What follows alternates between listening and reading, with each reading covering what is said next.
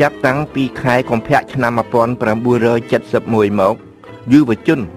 ដែលគ្រប់គ្រងរបបសាធារណរដ្ឋបែកចេញជាពីរបកពួកតាមការពិតទៅ របបសាធារណរដ្ឋខ្មែរនៅពេលនោះគ្រាន់តែជាផលិតផលប្រវត្តិសាស្ត្រមួយ ដែលបានត្រូវពួកឈឿនពៀនអំណាចនាំគ្នាដណ្ដើមយកមកធ្វើជាកម្មសិទ្ធិផ្ទាល់ខ្លួនតែប៉ុណ្ណោះ យ៉ាងណាមិញការប្រយុទ្ធគ្នារវាងបកពួករបស់អូដាមសេនីយឺណុននិងបកពួករបស់អ្នកអង្គម្ចាស់សេរីមតៈក៏មិនមែនតែជាទំនាស់ដែលឈរនៅលើគោលការណ៍សាធារណរដ្ឋដែរតែគឺគ្រាន់តែជាការដណ្ដើមអំណាចគ្នាដោយបិទមុខតែប៉ុណ្ណោះតាមទន្លាប់របស់អ្នកនយោបាយខ្មែរ មេក្រុងម្នាក់ម្នាក់តែងតែខិតខំប្រម៉ែប្រមូលយុវជននិងបញ្ញវន្តឲ្យមកគ្រប់គ្រងប្រយោជន៍ផ្ទាល់ខ្លួនរបស់ពួកគេប៉ុន្តែចំពោះអ្នកដែលមានគំនិតទៀងត្រង់ហើយចង់បានរបបសាធារណរដ្ឋពិតប្រកបវិញជាពិសេសអ្នកដែលមានគោលជំហរឯករាជ្យមិនចូលចិត្តការប្រកាន់បកពួកគេត្រូវខ្លាយខ្លួនទៅជាអ្នកក្បត់សាធារណរដ្ឋទាំងអស់ព្រោះ ហ៊ានរិះគន់តិទានអេរយាបតពួកអ្នកអន្ត្រឹសដែលបានផ្លន់យកសមិទ្ធផលប្រវត្តិសាស្ត្រនេះដោយឥតអៀនខ្មាស់ដើម្បីយកទៅបំរើក្រុមគ្រួសារបពពួករបស់គេ នៅខែកុម្ភៈឆ្នាំ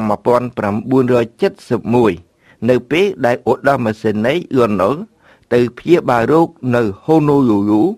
យុវជនពីរក្រុមចាប់ផ្ដើមចេញប្រយុទ្ធគ្នាដោយត្រង់ត្រង់តែម្ដង ក្រុមមួយ ដឹកនាំដោយលោកឈៀនខឹមសួរជាអ្នកការពារផលប្រយោជន៍របស់អ្នកអង្គម្ចាស់សេរីមតៈមួយក្រុមទៀតដែលមានលោកអឹមយូហៃនិងសនថាតជាអ្នកដឹកនាំជាបពពួករបស់អូដាមសេនីយឺននុនប្អូនប្រុសរបស់សេនាប្រមុខយឺនណុលលោកឈៀងកឹមសួរ ជាអតីតប្រធានសមាគមនិស្សិតខ្មែរ AJCAF នៅប្រទេសបារាំងរីឯលោកអឹមយូហៃជា ប្រធានសមាគមនិស្សិតរដ្ឋាភិបាលស្រោចស្រង់ជាតិហើយលោកសនថាតជា ប្រធាននិស្សិតមហាវិទ្យាល័យច្បាប់បើគេមើលពីក្រោយទៅ គឺហាក់បីដូចជានិស្សិតខ្មែរនៅពេលនោះទាស់តែងខ្វែងគំនិតគ្នា តាមការពិត នេះគ្រាន់តែជាបច្ចេកទេសរបស់អ្នកនយោបាយខ្មែរតែប៉ុណ្ណោះ។ លោកអឿនណុនដែលនៅពេលនោះគ្មានទូនាទីអ្វីធំដុំនៅក្នុងជួររដ្ឋាភិបាលគឺមានតែកម្លាំងយុវជន និងការគ្រប់គ្រងពីសំណាក់បញ្ញវន្តប៉ុណ្ណោះគ្មានជំរឿសអ្វីទៀតក្រៅពីវាយប្រហាររដ្ឋាភិបាលតែម្ដងនោះទេដោយចោទប្រកាន់ថាអ្នកអង្គម្ចាស់សេរីមតៈចង់ដណ្ដើមយកចង្កូតសាធារណរដ្ឋខ្មែរហើយដឹកនាំប្រទេសកម្ពុជាឆ្ពោះទៅរករបបរាជានិយមវិញ ចាប់តាំងពីខែមិនិនាឆ្នាំ1972គឺចាប់តាំងពីពេលដែលឧត្តមសេនីយ៍យួនណុនបើកយុទ្ធនាការវាយប្រហារអ្នកអង្គម្ចាស់សេរីមតៈដោយចេញមុខការរំជើបរំជួលនិងបាតុកម្មចេះតែកើតមានឥតឈប់ឈរនៅក្នុងមជ្ឈដ្ឋានគ្រូបង្រៀននិងនិស្សិត នៅទីបំផុតអ្វីដែលកិច្ចបំផុតក៏បានកើតមានឡើង។ បាតកម្មយុវជនដែលបានផ្ទុះឡើងយ៉ាងសម្បើមអស្ចារ្យនៅខែមេសាឆ្នាំ1972នោះបានត្រូវបញ្ចប់នៅក្នុងសោកនាដកម្មដើម្បីធ្វើការគៀបសង្កត់ទៅលើបាតុកោអ្នកអង្គម្ចាស់សេរីមតៈនាយករដ្ឋមន្ត្រីស្ដីទី បានបញ្ជូនកម្លាំងទៅបង្ក្រាបទាំងកម្រៅតែម្ដង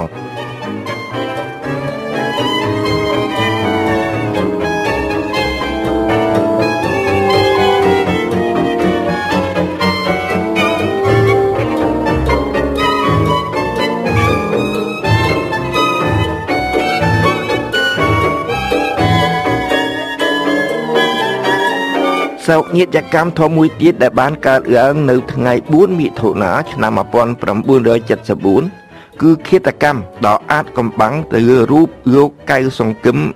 ដែលនៅពេលនោះជារដ្ឋមន្ត្រីអប់រំជាតិនិងលោកថាច់ជា ដែលជាទីប្រឹក្សារបស់លោកកៅសង្គមវរៈជនសាធារណរដ្ឋនិយមទាំងពីររូបនេះបានត្រូវគេបាញ់សម្លាប់នៅក្នុងរបងនៃវិទ្យាល័យ18មីនា គឺអតីតវិទ្យាល័យយុគន្ធររីឯដំណើររឿងមានដូចតទៅ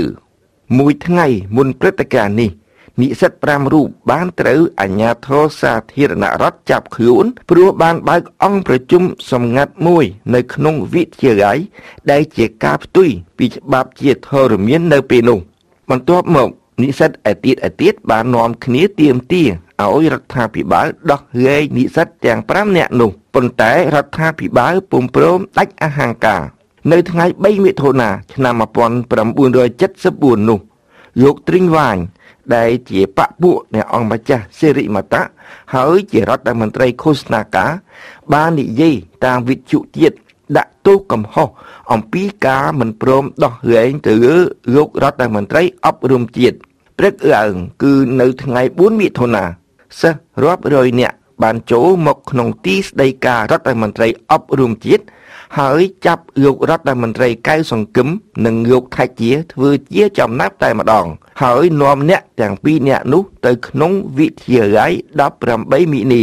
យោងទៅតាមឯកសាររបស់លោករស់ចន្ទ្របុត្រដែលមានចំណងជើងថា La République ខ្មែរឬសាធារណរដ្ឋខ្មែរនៅពេលដែលពួកសិស្ស នាំលោកកៅសង្គមនិងលោកថៃជាតាមផ្លូវថ្នល់ឆ្ពោះពីទីស្តីការរដ្ឋមន្ត្រី ទៅវិទ្យាល័យ18មីនាកងកម្លាំងសន្តិសុខមានលទ្ធភាពគ្រប់គ្រាន់ដើម្បីធ្វើអន្តរាគមន៍ប៉ុន្តែផ្ទុយទៅវិញ គេពុំបានធ្វើអ្វីទាំងអស់ដើម្បីជួយរំដោះលោកកៅសង្គមនិងលោកថាច់ជា ពេលដែលចំណាប់ទាំងពីរស្ថិតនៅក្នុងរបងវិទ្យាល័យ ស្ដាប់តែស្នូកំភ្លើងបានរាន់យឺឡើងហើយលោកកៅសង្គមនិងលោកថាច់ជាក៏ដួលស្លាប់មួយរំពេចនេះជាអាចកំបាំងមួយ ដែលរកមុខមិនឃើញរហូតមកដល់សប្តាហ៍នេះខ្ញុំសូមស្ទះត្រឹមនេះសិនចុះហើយនៅសប្តាហ៍ក្រោយខ្ញុំនឹងវិលត្រឡប់មកជួបអស់លោកអ្នកនាងសាជាថ្មីទៀត